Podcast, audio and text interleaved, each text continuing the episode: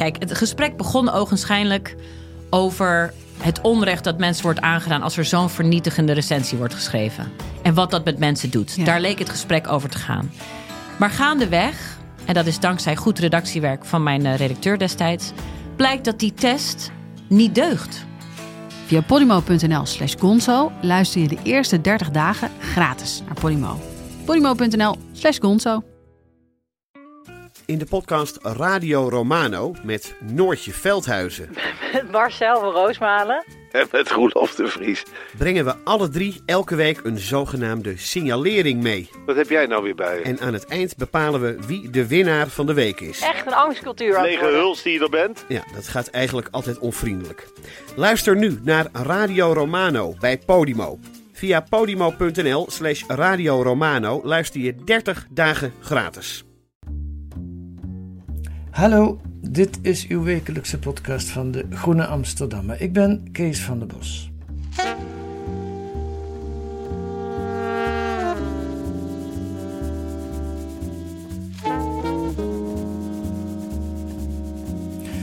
Ian Burima woont en werkt in New York. Hij is sinoloog, Japanoloog, internationaal journalist en publicist met een flink aantal boeken op zijn naam, waaronder nog niet zo lang geleden zelfs een fotoboek. Deze week schrijft hij het groene essay over woke bewustzijn. Woke, dat wonderlijke woord waarvan niemand weet wat het precies betekent. Caspar Thomas vertelde er al eens over in deze podcast. Maar dat onduidelijke begrip woke verdeelt de wereld wel in felle voor- en tegenstanders. Burima pleit er in zijn essay deze week voor om woke te zien als een in wezen protestants fenomeen. In Nijmegen is het half tien in de avond. In New York is het half vier 's middags. Goedemiddag, Ian Burima. Goedemiddag. Wat betekent woke volgens u?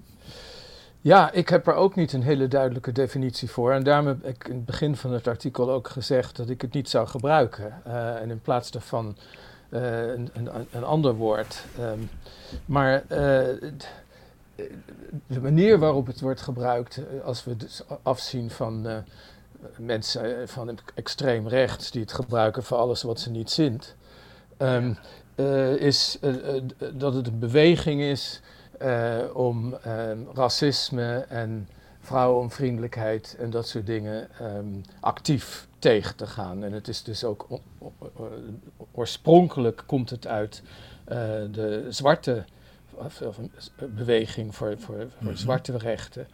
Ehm, en eh, het is dus een, een zwart, zoals zoveel slang in de Engelse taal, eh, begonnen als zwarte slang in de Verenigde Staten en is daarna ehm, opgepikt door allerlei andere mensen die daar hun eigen betekenis aan hebben gegeven. Ja, ja. Het is eigenlijk een heel vreemd fenomeen, vind ik. Dat, dat een woord waarvan wat zo multi-interpretabel is, het is een soort wolkwoord, zou ik, zou ik willen zeggen, eh, dat dat eh, zulke heftige gevoelens oproept. Ja, maar dat, dat geldt natuurlijk voor veel woorden. Wie, wie weet er nog precies wat fascisme is? Eh, dat wordt natuurlijk ook gebruikt als een term door, door veel mensen voor alles eh, waar ze tegen zijn. En dus iedereen die volgens mensen terecht eh, zijn of iets anders, die gelden al snel als fascist. En het woord communist is natuurlijk ook misbruikt door heel veel mensen. Eh, alles wat een klein beetje links is, was, was al snel voor sommige mensen communist. Dus dat is niks nieuws. Oké, dat is op zich niet gek, zeg je. Nee, eh, eh, dat is nu eenmaal zo met dat soort termen. En eh, ze worden snel opgepikt als, ehm, als scheldwoorden. En dan soms eh, veranderen ze weer door mensen die eh, het object zijn van die scheldwoorden, die, ze die hetzelfde woord dan weer gebruiken als geuzennaam. Eh, dat, dat is iets wat ja, waarschijnlijk van alle tijden is. Ja, ja. Het woord geus zelf. Het, het verdeelt de wereld enorm, hè? met name ook in de Verenigde Staten. Zeker, ja. Ehm, Ik herinner me Ron DeSantis, de, de, de uitdager van eh, Trump, de gouverneur van Florida, die, die zo'n beetje alles waar hij tegen is, vat hij samen met het woord woke. Ja, hij denkt daarmee te scoren uh, bij uh, republikeinse kiezers. Uh, zijn strategie is om Trump van, van rechts in te halen. Dat is tot nu toe zeer slecht gelukt. En mm -hmm. het um, schijnt ook dat die anti-woke beweging van DeSantis niet zo geweldig veel aanhang heeft um, bij republikeinse kiezers. Het, het, interesseert ze niet echt, het hele woke-vraagstuk. Er zijn andere dingen, immigratie en zo, die uh, de, heel veel mensen veel meer bezighouden. Gebruikt Trump het eigenlijk ook, woke? Nou, hij zal het ongetwijfeld gebruiken, maar niet zo vaak als, uh, als, uh, als DeSantis. Maar het, het wordt uh, überhaupt van rechts natuurlijk heel veel als scheldwoord gebruikt. Dus ja. alles wat progressief is, of zich progressief waant of noemt, uh, geldt al snel vanuit een rechts of een extreem rechts uh, perspectief als woke. Ja, ja. En nou is het vreemde ook bij dit woord dat ook de mensen die zich woke noemen, de, de, de, de voorstanders, ja, hoe moet je dat zeggen, of de mensen die zich erin herkennen, die zijn ook heel streng. Die zijn heel streng, ja. Uh, scherpslijpers zelfs. Ja. En dat is dus waar mijn vergelijking met het protestantisme uh, vandaan komt. Ik wil niet zeggen dat het protestants is, want het protestantisme nee. is weer iets heel anders. Maar, maar het heeft zijn. De, de Amerikaanse cultuur uh, is doordrenkt met protestantse uh, denkwijzen, gewoontes en dat soort dingen. Op dezelfde manier dat dat in Nederland het geval is. Dus zelfs al uh, ben je uh, rooms-katholiek in Nederland, die protestantse cultuur zit er natuurlijk diep in. En dat geldt ook voor de Verenigde Staten. En ik zie dit is een, als een seculiere beweging, maar een, een seculiere beweging die heel veel um, weg heeft van die protestantse culturele wortels die, die heel diep gaan in de, in, in de Amerikaanse samenleving. Ja, ja. Nou ben ik zelf katholiek opgevoed. Uh, en wij katholieken hebben het gemakkelijk. Ja, ik zeg wij katholieken, maar ik ben geen praktiserend katholiek meer. Maar wel die, die cultuur heb, draag ik wel in me. En, en dat is, uh, uh, ja, als je dan een zonde hebt begaan, dan ga je biechten. Hoef en dan ben je klaar. Ja, en bovendien, als je katholiek bent, en hetzelfde geldt voor gelovige Joden.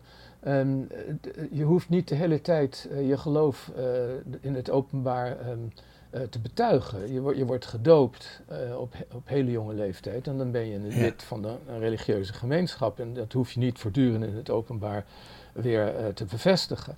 En dat geldt nee. natuurlijk voor protestanten niet. en daarom heb je daar wel een traditie um, die teruggaat naar, naar het pietisme en, en, en uh, eigenlijk de 17e, 16e eeuw zelfs. Um, uh, waar dat wel het geval is, waar dus mensen het, als ze van, de waard, van het ware geloof zijn afgegleden of waarvan mensen vermoeden dat het zo is, dan moet dat daarvoor in het openbaar verontschuldiging worden aangeboden en moet het ware geloof worden betuigd. Ja, ja. Uh, ja, dus dat is kenmerkend voor, voor protestanten. Toen ik het las, dacht ik. Uh, in, in Japan, uh, jij bent ook een Japan-kenner. Daar herinner ik me uh, beelden. Ik, ben, ik weet verder niet zoveel van Japan, maar ik, ik herinner me wel die beelden af en toe als een CEO van een groot bedrijf in de fout is gegaan.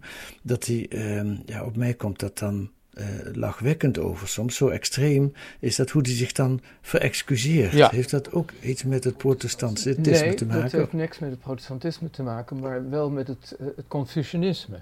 En het Confucianisme heeft uh, zeker dat gemeen met het protestantisme. Dat inderdaad, dat zelfs al um, uh, word je door de naar een politiebureau gebracht omdat je, uh, weet ik veel, een pakje sigaretten in een, in een park hebt weggegooid of zo. Het eerste wat je dan moet doen is je verontschuldigingen aanbieden door een, um, een, een, een, een, zelf een confessie te, te ondertekenen.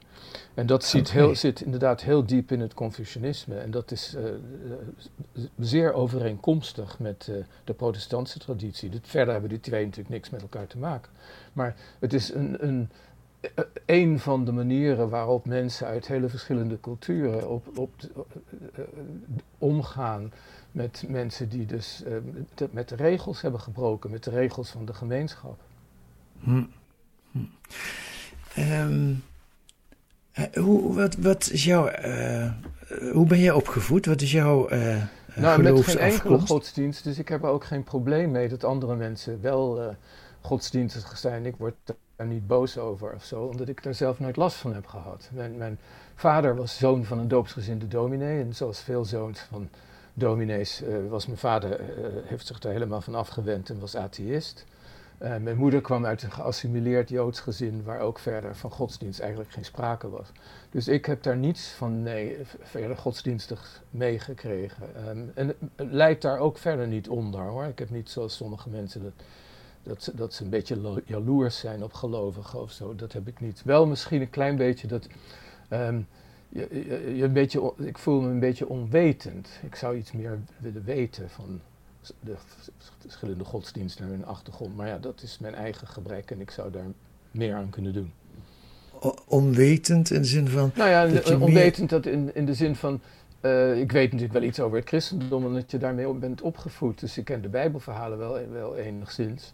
Maar ja. uh, als ik ooit bijvoorbeeld bij een, een Pesach-maal ben, uh, ja, dan weet ik eigenlijk heel weinig wat mensen, waar mensen mee bezig zijn en wat ze doen en, wat de woorden betekenen en dat soort. Dus je voelt je, dan, dan voel je je onwetend, niet ongelovig, maar oh, onwetend. Maar je hebt nooit de aandrang gevoeld om bijvoorbeeld in dat Joodse geloof om je daar nee, verder. Nee, geen enkel. Nee, nee, nee. En, en, en, en dat voelt, voelt verder ook niet als een gemis. Nee, uh, dat heb ik nooit gevoeld als een gemis. Nee. Maar ik geloof daarom ook niet dat uh, uh, goed en kwaad, uh, dat dat begrippen zijn die door ons door God zijn ingefluisterd. Um, ik, dat zijn categorieën die door die, die mensen um, hebben bedacht. En mensen bedenken ja. regels en wetten en dat soort dingen. En ik zie daar ook verder niks, niks, niks mis mee. Nee, nee dat, dat hoeft niet via het geloof tot je te komen. Dat, de, de eh, besef van goed en kwaad kan ook op een andere manier tot je komen. Ja, daar ben ik van overtuigd, ja. Ja, ja. Oké, die, die uh, excuses, of dat, dat, um, nee, dat, dat schuld bekennen. Uh, het, het, heeft twee kanten in het protestantisme. Ik, ik, haal het ook een beetje uit jouw artikel, maar ik, ik weet het ook wel van protestantse vrienden en kennissen van mij. Um, je moet je uh, leven. Ik heb dat nooit helemaal goed begrepen. Aan de ene kant is het voorbestemd. Dus ik zou denken, ja, waar zou je dan ook druk maken? Het is toch voorbestemd. Maar je moet toch voortdurend bewijzen in jouw manier van leven dat jij de goede voorbestemming hebt. Ja, nou ja, ik, ik, ik ben ook geen expert, maar ik denk dat het ingewikkelder ligt. Uh, het protestantisme, zoals alle godsdiensten, heeft natuurlijk vele, vele stromingen. Uh, en die gaan mhm. van heel streng tot, uh, tot, tot uh, redelijk liberaal. En voornamelijk over de, dat idee van voorbestemming um, is heel veel geruzied in de binnen de protestantse gemeentes, al eeuwenlang. En bepaalde uh, Calvinisten, strenge Calvinisten, geloven inderdaad dat, dat, dat alles is voorbestemd. En de, daar, daar, kun je verder niks aan doen. Als je niet, een lid niet, niet bent uh, uitverkoren door God in het ware geloof, dan, uh, dan kom je niet in de hemel. Nou, daar is in de 17e eeuw al heel veel bezwaar tegen aangetekend door andere protestanten. Die vonden dat dat veel te ver ging en dat de Nederlandse geschiedenis is daarmee doordrenkt. Het gaat terug naar de Gomaristen en de Arminianen en dat soort dingen. En een van de punten van de Arminianen was dat door goed gedrag uh, je de zegen van God toch ook zou kunnen, kunnen krijgen. En uh, dat, dat strookte niet met het streng Calvinistische geloof.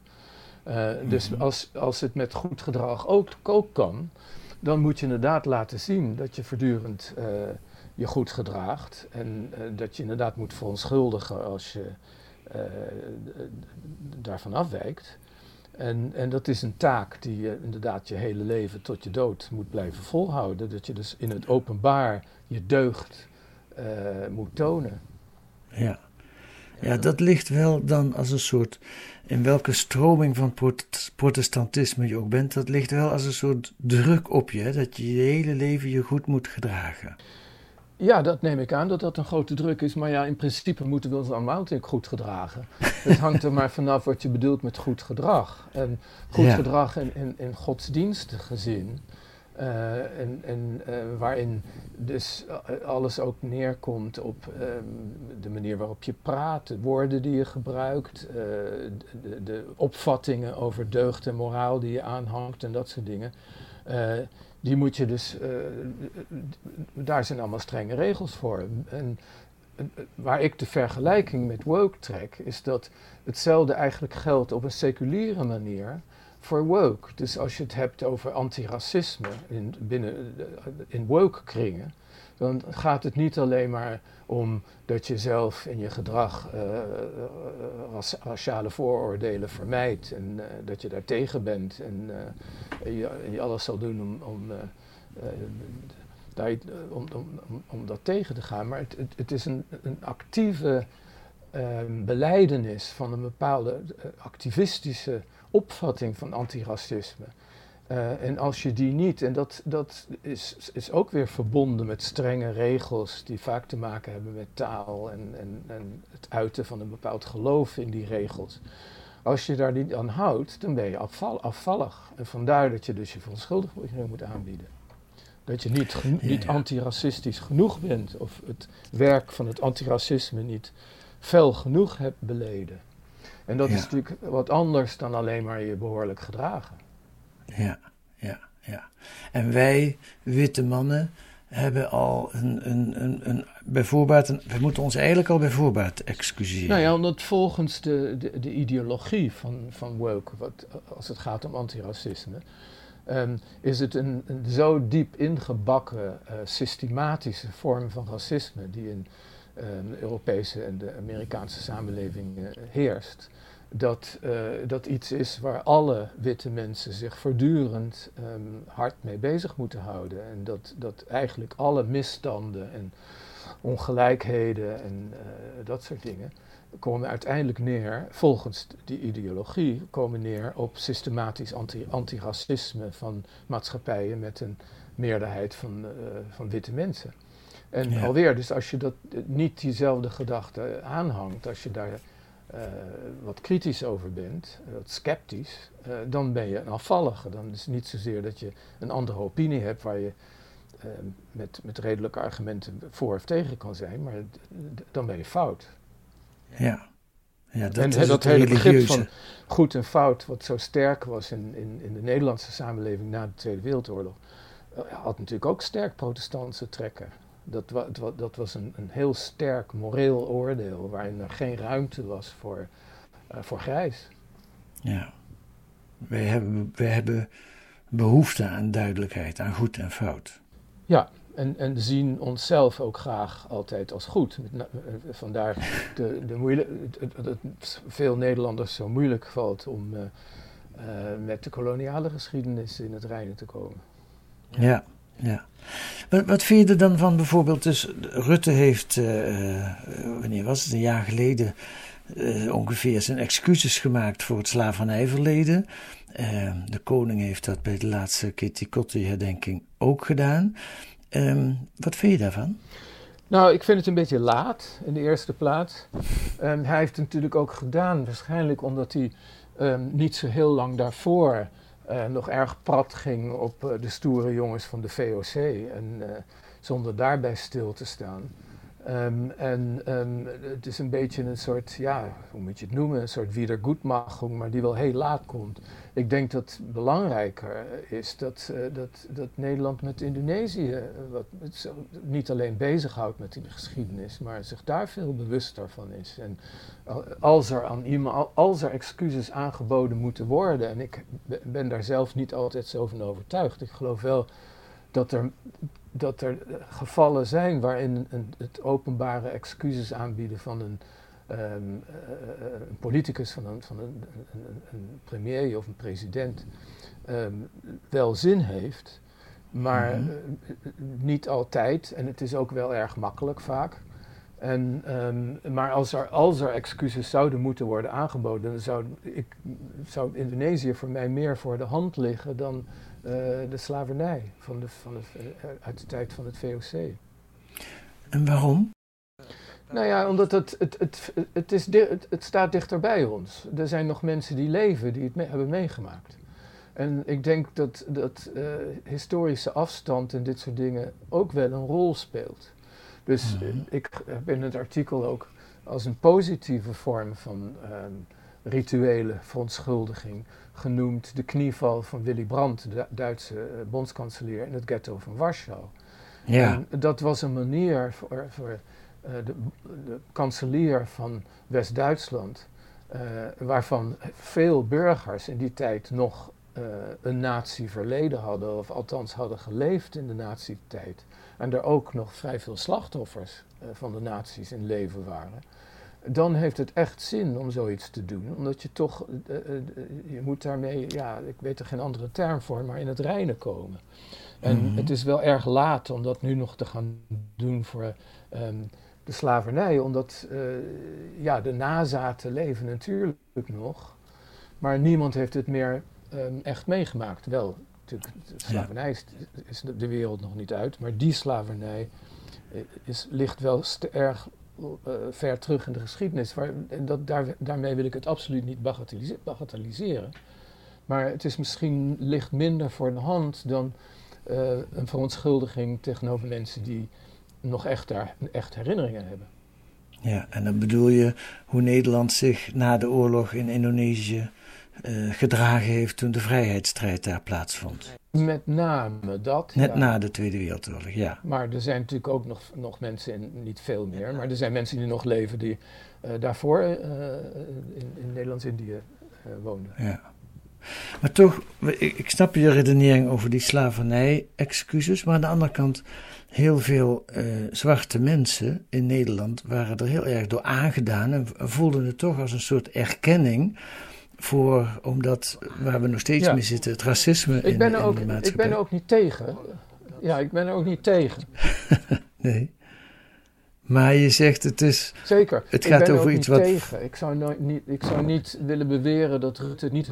Ik had alleen gezegd. Ik, ik, ik vind dat de prioriteiten misschien anders hadden moeten liggen. Maar dat is, wil absoluut niet zeggen dat ik er, dat ik er tegen ben. Uh, waarom, nee. waarom zou ik er tegen? Omdat inderdaad mensen het erg hebben geapprecieerd. Dus ik, ik zie er niks verkeerds in. Alleen uh, als we bezig zijn met openbare excuses van uh, regeringshoofden, dan, dan, had ik de prioriteiten ietsje anders gelegd. Maar dat wil, wil zeker niet zeggen dat, uh, dat ik enige kritiek heb op, op Rutte dat hij dat heeft gedaan.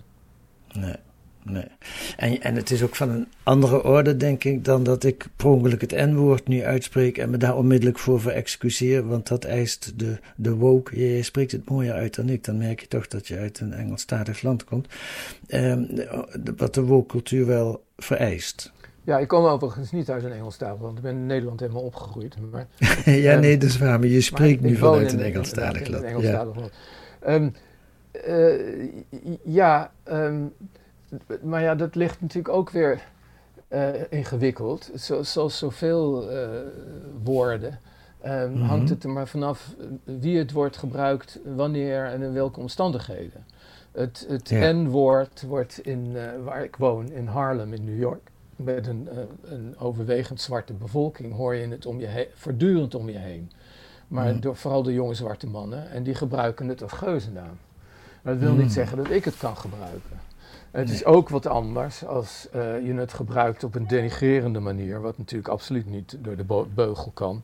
Of dat je dan in een, uh, een college over literatuur, waarin boeken van James Baldwin of anderen te, te, sprake komen, en iemand het zou citeren in een, in een citaat uit zo'n boek, wat ook dus helemaal niet mag.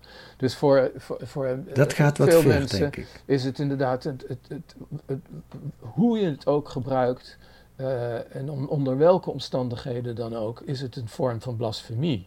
Dus, dus een woord wat helemaal niet mag worden uitgesproken, onder, en onder geen beding.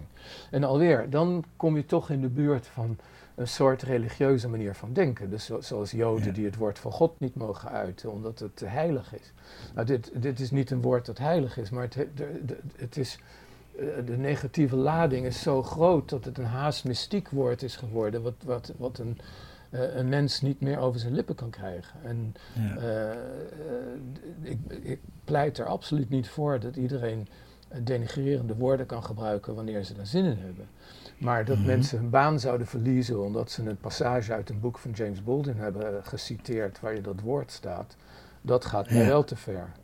Ja, ja, ja. Ehm, ja, dat brengt me op, eh, op iets anders. Je hebt, eh, de, de, wat erbij hoort aan de ene kant die excuses eh, maken. Eh, je, je, je, je constant, ja, bijna eh, alsof je met heilige woorden te maken hebt. Er hoort ook aan de andere kant een cancelcultuur bij. Voor als je dan weigert om die excuses te maken. Of als je de verkeerde manier die woorden gebruikt. Dan kun je gecanceld worden. Dat, is, dat is denk ik de, de andere kant van de, hoe zou ik het zeggen, religieuze medaille.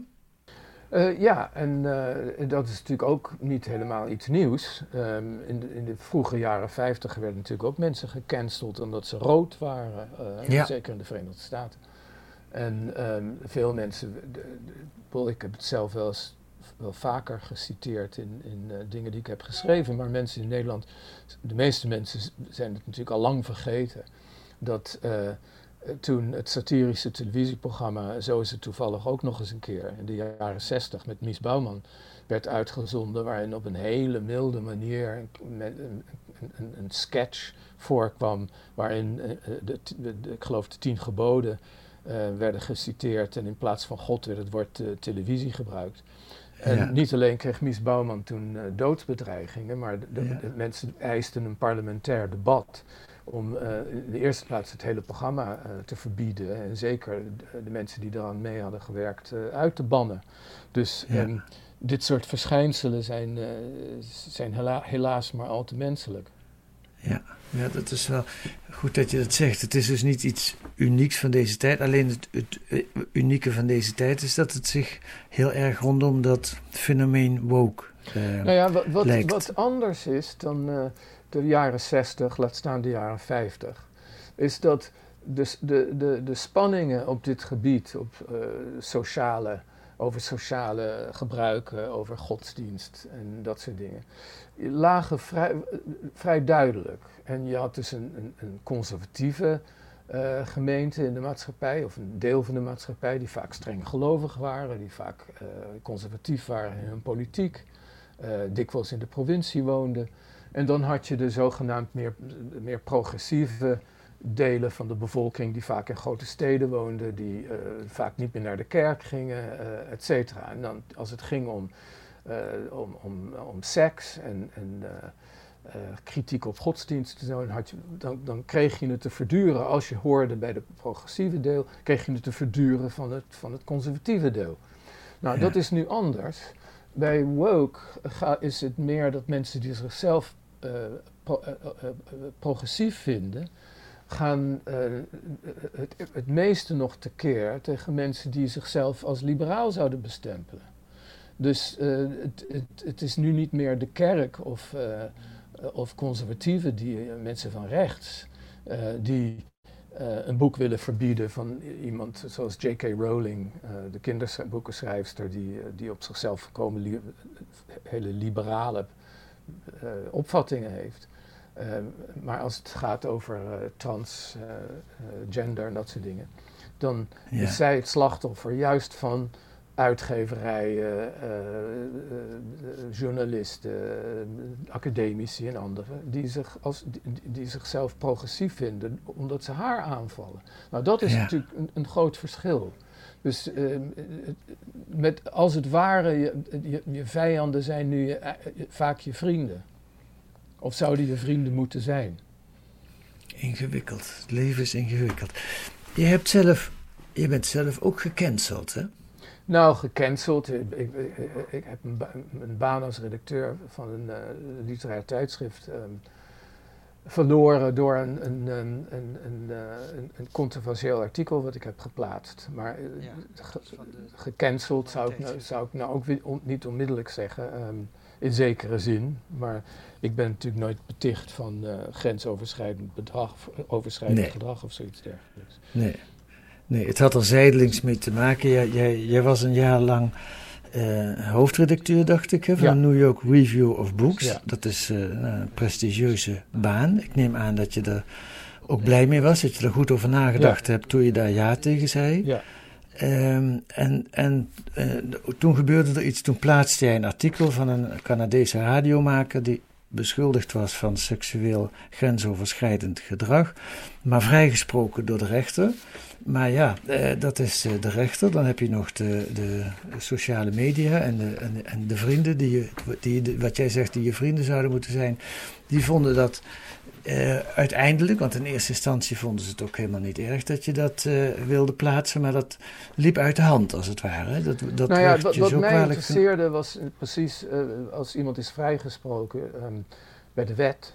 Um, ja. En als, hij, als er dan toch nog een, een sociale straf op volgt. En ja. wat mij interesseerde is, is, ik wilde graag een debat um, losmaken over hoe ver we moesten gaan in uh, het straffen van iemand uh, op, op, een uh, sociale manier als die is vrijgesproken door de rechtbank. Dus het was, de bedoeling was niet om, om hem te verdedigen of, of om te, te, te, betogen dat hij verder niks had gedaan. Daar ging het niet om. En waar, waar het mensen die dus, uh, de critici van mij, waar het hun om ging, was dat uh, deze man helemaal niet een recht van spreken zou moeten hebben in een, nee. links, van, een links literair, linksig literair blad. Daar ging het ja. eigenlijk om. En, ja, maar dat is het wezen van de cancelcultuur. Dat je is mag, het wezen van de cancelcultuur. En daarom, daarom ben ik, maak ik me erg zorgen over uh, de, de cultuur in het algemeen, de artistieke en intellectuele, intellectuele cultuur, dat uh, in tegenstelling tot, tot de, de 60 jaren, dus eigenlijk die tijd van, zo is het toevallig ook nog eens een keer en daarna, um, hebben mens, zijn mensen steeds banger geworden om uh, om iets te doen wat, kan, wat provocerend is of uitdagend. Of ja. uh, wat toch heel belangrijk is voor, voor de kunst en, en een intellectuele cultuur. Als er van ja. alles niet mag, en juist de mensen die eigenlijk aan je politiek min of meer aan jouw kant staan, van alles niet mag, nou dan krijg je een, een hele timide cultuur, uh, waarin dus alles wordt getoetst of het moreel zuiver is of niet. En dan krijg je een soort, dus ja, een soort Victoriaanse, preutse cultuur, waar niet heel veel interessant werk uit, uit voort kan komen, denk ik. Ja. Ik, ik zag jou ook lopen in de uh, interessante serie die nu op de Nederlandse televisie loopt, de Doe-het-zelf-dictatuur, van Kees Schaap en Fidan Ekis. Uh, die hierover gaat. Hè, waar ja. mensen die, die gecanceld worden aan het woord komen. En daar heb je ook uh, ja, je verhaal kunnen ja. doen. Ja. En dat doe, je ook om, dat doe je aan mee ook om die reden, denk ik. Dat je wil niet oh, per nee, se dat jij... Absoluut. ik doe er niet aan mee om, um, om mezelf uh, goed te praten. Want daar heb ik geen nee. enkele behoefte meer aan. Maar wel omdat ik me inderdaad zorgen maak over de, de tendens in, of bepaalde tendensen in, in onze cultuur. Ja. Waarom doen we dat onszelf aan? Nou ja, omdat het zijn natuurlijk moeilijke dingen waar mensen altijd mee hebben geworsteld. En, en hoe, hoe je, dus morele kwesties. En, um, en dat kan op, op, van alles worden toegepast. En de kerk was natuurlijk één manier om daarmee om te gaan. En daar waren hele ja. vaste regels. En, nou, die, en dat is ook in die zestiger jaren natuurlijk heel erg afgezwakt en ondermijnd. Waardoor steeds minder mensen hun gevoel voor moraal, moraal en wat goed was en wat kwaad en zo, en, enzovoort via de kerk uh, kregen. En dan moet het op een andere manier. En uh, dan krijg je dus seculiere vormen van uh, scherpslijperij die vroeger uit de kerk kwamen en nu uit universiteiten en, en, musea en fondsen en wat, wat, wat er, die nog meer zijn. Hm. Maar dat, dat zit erachter, denk je. Wij hebben diep in ons, of als maatschappij, hebben wij een behoefte aan, zondebokken. Aan, aan, ja, ik denk dat dat heel menselijk is. Ja. En ik denk dat, dat we dus daarom. Ik, ik zelf ik ben in de, de, december 1951 geboren. Dus ik heb de, de midden 60er jaren, toen zat ik op school. Dus daar heb ik niet aan meegedaan. De, de, de ja. anti-Vietnam demonstraties in Provo en dat soort dingen. Maar het, het, staartje daarvan heb ik natuurlijk nog wel meegemaakt. En, en, en zeker de jaren 70. En daar zijn natuurlijk heel veel heilige huisjes omgeschopt. En daar, daar waren we allemaal ook heel blij mee. En dat was ook bevrijdend. Maar je, je, kunt nu leven zonder, uh, helemaal zonder uh, morele regels.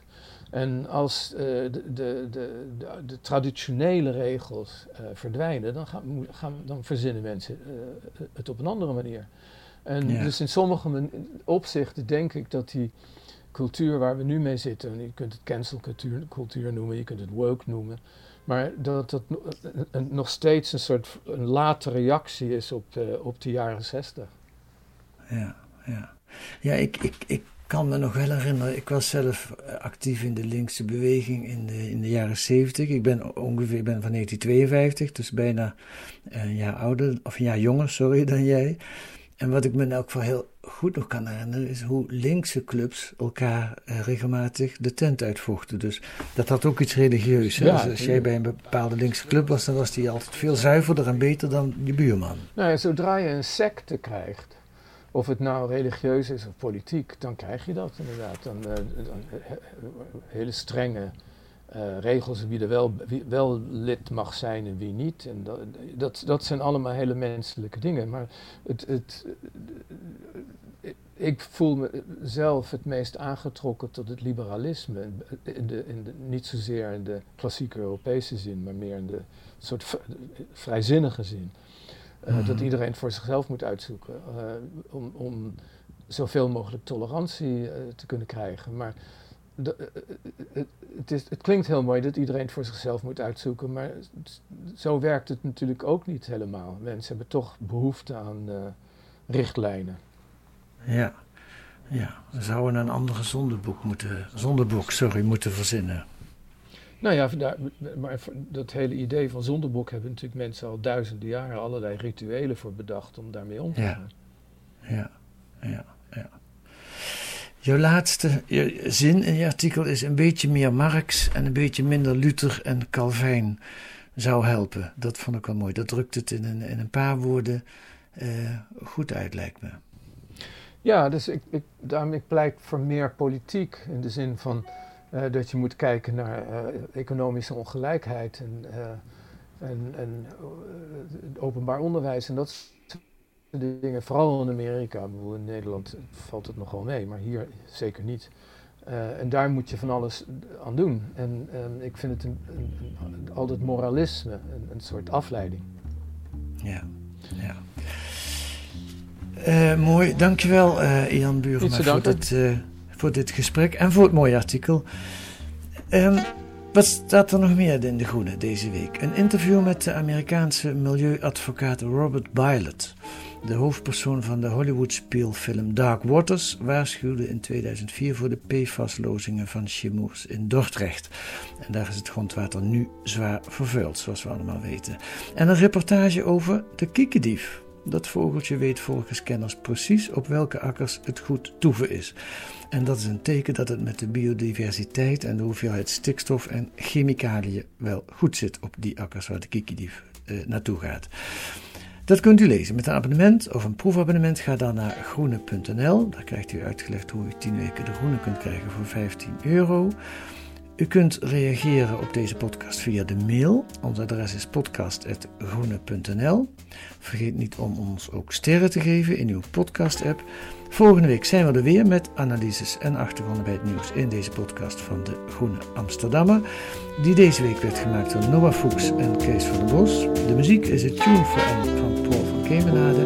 Tot volgende week.